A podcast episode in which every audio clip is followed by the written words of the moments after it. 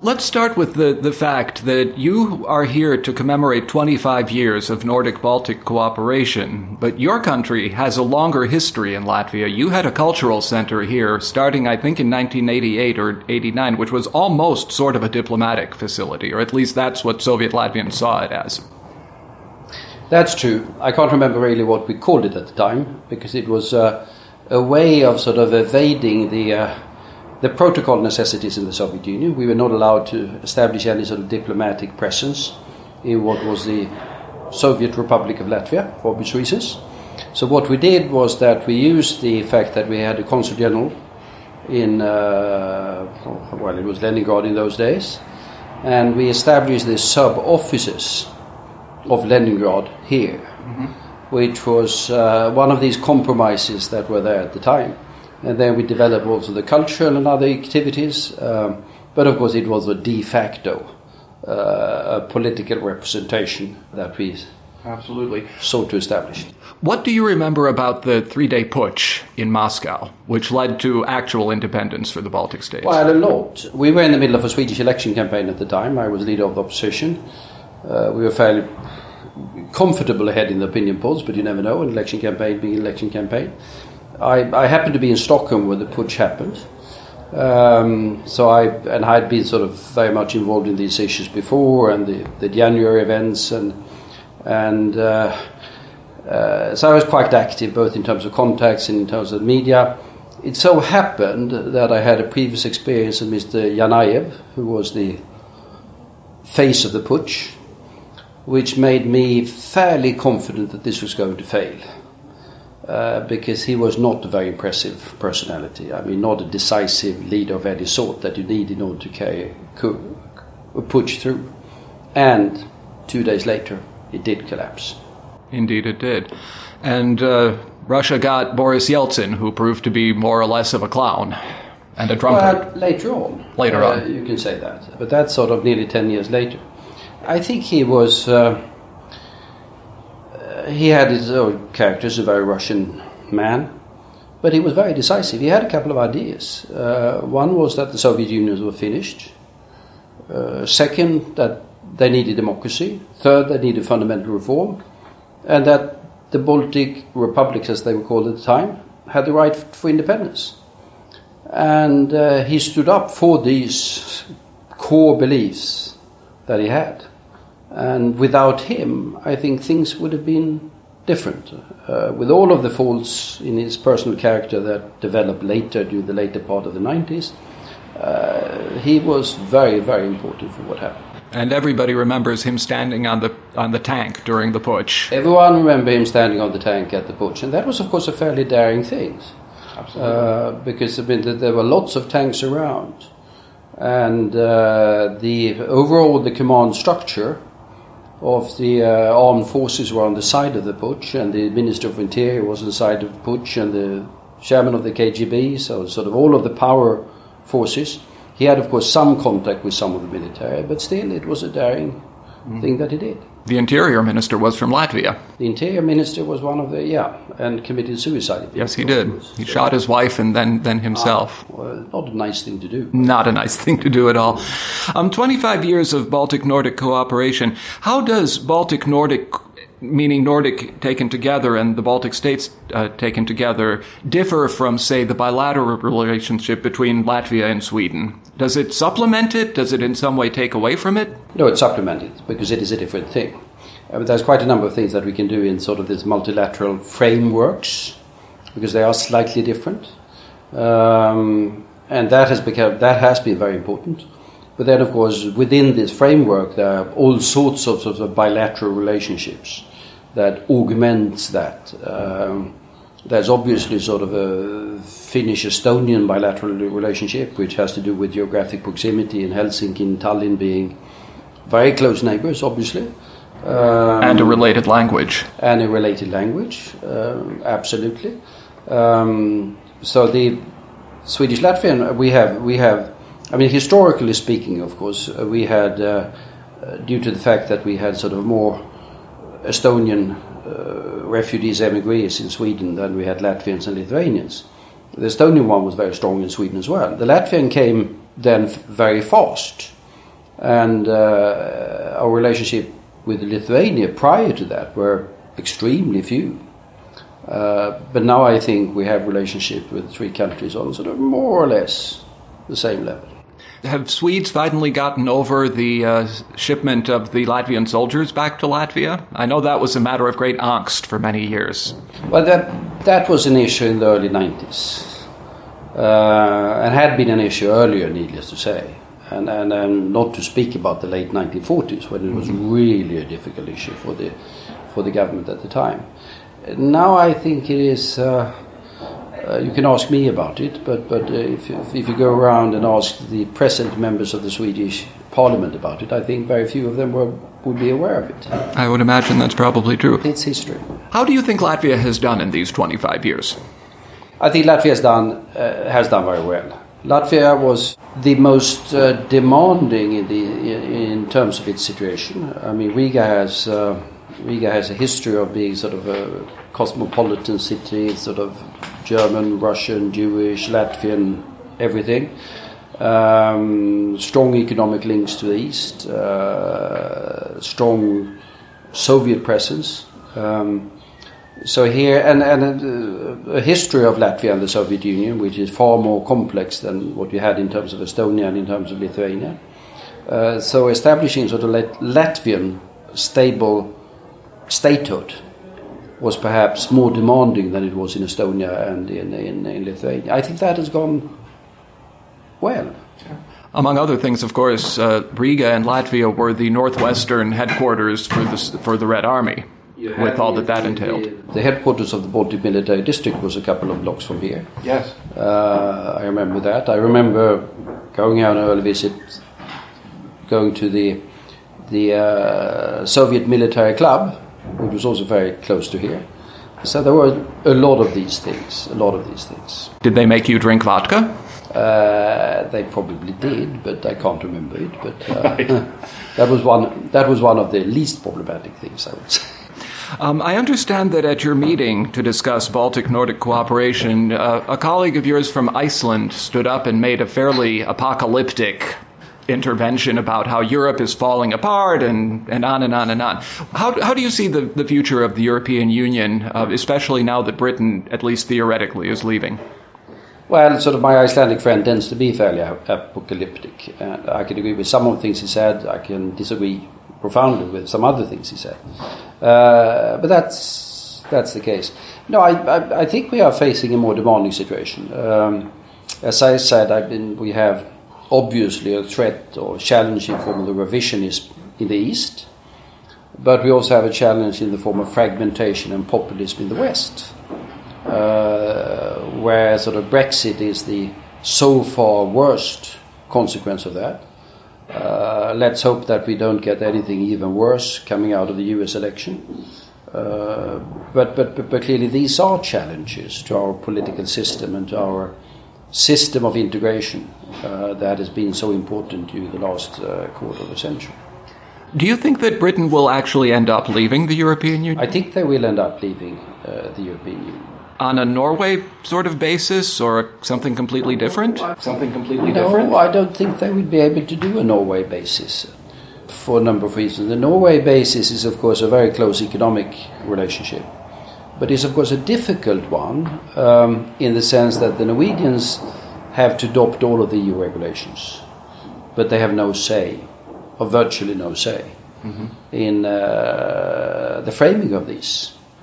Uh, that's sort of slightly painful for Norway, no question about that, but they, be, they live with it. Uh, I don't think the, the, the Brits would be ready to do that.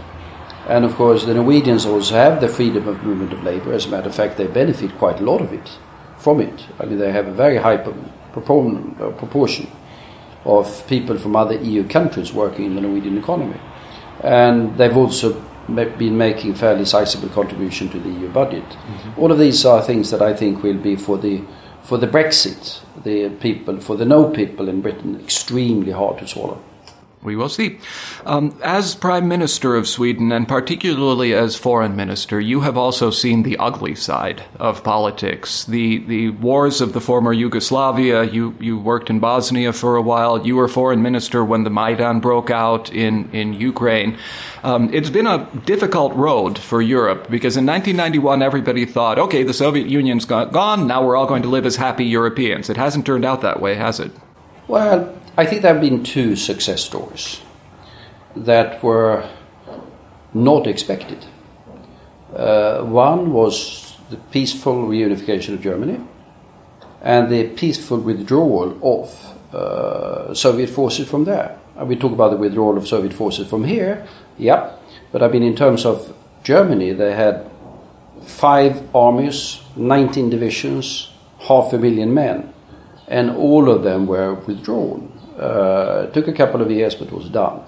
So that was an unexpected success. The second unexpected success was, of course, the three Baltic states. Um, because you were not only, as Poland and GDR and whatever, part of the Soviet Empire, you were part of the Soviet Union and had been part of the Russian Empire. Um, and not very many people expected that that was going to happen. It did happen, and it did happen peacefully in spite of things that could have gone wrong. There were a couple of uh, times when things were dangerous, I would say. The thing then that did go very wrong, but wasn't really expected either by the West, was the entire dissolution of Yugoslavia. Uh, most people said that they, they probably like each other and it's probably going to work out. Uh, it didn't. We got a decade of war from Slovenia in the south to sort of Macedonia, uh, Slovenia in the north to uh, Macedonia in the south. So two unexpected success stories and one unexpected decade of catastrophe. Mm-hmm. Um, how do you think the refugee situation is going to end up in Europe? Well, I don't think it's going to end up. I think it's something that we will have to live with for a prolonged period of time. No, I mean, is it going to end up being something terrible because of terrorism, or are the refugees going to be absorbed into European society and become Europeans? Well, of course, there's a lot of room between those two things. There's a lot of room between those two, and there's got to be something in between. If you look at the experience of, of my country, of Sweden, we, we've taken more refugees than most. Of course, we have a tradition of taking refugees. I mean, that could be sort of numbers from the Baltic states in 1940s were not very large, but I mean we were an extremely homogeneous society when that happened. Um, we then took sort of the, the, the, the, there was sort of Hungary in 1956. There was also um, the fact that in the early 1960s, the Swedish industry uh, wanted to have more labor. We had to be dependent on a lot of Finns coming in. Uh, there weren't any Finns, or rather, the Finns wanted to be in Finland. Um, but we had a huge uh, immigration from southern Italy and from Yugoslavia and from other places. Then came refugees from Latin America.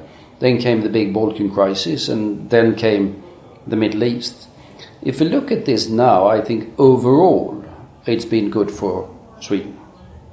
Uh, uh, look at sort of the thing I know the best, Bosnia.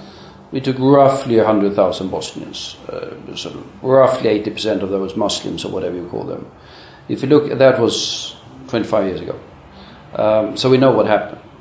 And we know that if you take them together, they have been doing slightly better than the average Swedes, which means that some of them have been spectacularly successful, mm-hmm. some of them have been spectacular failures and problematic, but that happens with normal Swedes as well. Um, then, of course, when it comes to if you take elderly people coming without any education, from, say, the mountains of northern Iraq, then it becomes somewhat more difficult. But if you take young Afghan boys, uh, some of them coming with virtually no education, but some of them have been able to do very well, not everyone. So it's a very much uh, a mixed picture. It's a challenge for society, no question about that. But the Swedish experience is that yes, there are problems, yes, there are challenges, but overall, the fact that Sweden is doing as well as we do is to a certain extent a consequence of our open door policy. Is it true, by the way, that there was a year when Astrid Lindgren had to pay more in taxes than she earned? Yes, there was. That was in 1976, uh, or 75, 76, um, when we had a taxation system that was really sort of outrageous. Okay. And uh, it, it's still not perfect, but, but it's less outrageous than it was at the time. Um, and finally, uh, Mr. Bildt, what's going to happen with Russia? I wish I knew. What's your best guess? My best guess is that Russia is facing difficult times. The 90s were a period of both turmoil and hope. Uh, Putin came to power, or was given power to be precise. Um, he did achieve sort of, sort of stabilization of Russian society. I think he's given credit for that uh, for a lot of by a lot of Russians. His uh, first few years weren't that bad in terms of the economic and other reforms that, that he did. Uh, but then clearly things have been going off in a different direction, uh, with an increasingly authoritarian increasingly sort of uh, revisionist, increasingly alienated Russia. And we've seen, uh, and, and he, he, was immensely lucky. He had 10 years of fabulous oil prices. So the uh, standard of living of ordinary Russians increased tremendously. And uh, that was important. That is no longer the case. Russia is now entering a, into a period of economic stagnation, social decay and it's trying to sort of handle this by sort of a military nationalistic mobilization. And I fail to see that anything good is going to come out of this. Yeah. But long term, let's hope. Has, has, Ukraine asked your advice about what to do? And if, if not, what would you advise President Poroshenko and his government to do? Well, I see him now and then. No, I, I advise him, of course, to concentrate on the, uh, uh, the reform of Ukrainian society I, I, think the success of the economic and political transformation of Ukraine is what's going to make Ukraine a strong society. And if it's a strong society, it doesn't need to fear sort of destabilization. Russia can destabilize societies that are fragile, but Russia doesn't have the strength to destabilize societies that are strong and coherent. Uh, that's a lesson that applies to the Baltic states as well, by the way. Um, so that that I say to him all the time: uh, concentrate on making Ukraine strong.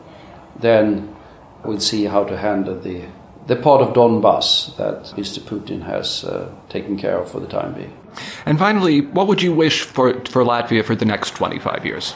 I would wish that uh, Latvia and Estonia and Lithuania were able to. It's difficult, but still, to come back on uh, a trajectory of higher economic growth. We had a period, sort of, we had 20 years nearly, not quite, of uh, fairly rapid convergence between where you came out of the Soviet Union and, say, Nordic and Western European standards. Uh, although I think you handled the 2008 2009 financial crisis better than most, absolutely. Our Fantastic. Prime Minister wrote a book about it. Absolutely um, and, and, that deserves to be read. Uh, but still, since then, the, the convergence isn't working as well, uh, not only for you but for others. And, and I, I, think it would be important to focus on that. That, I think, is also important in order to address the big demographic challenge that we have uh, over time. Uh, that can be overcome by sort of better economic prospects and those things, if you handle the economic issues, if you have, handle the demographic challenge, that creates, of course, a more stable and accordingly also secure society. Carl Bildt, thank you very much for the interview. Thank you.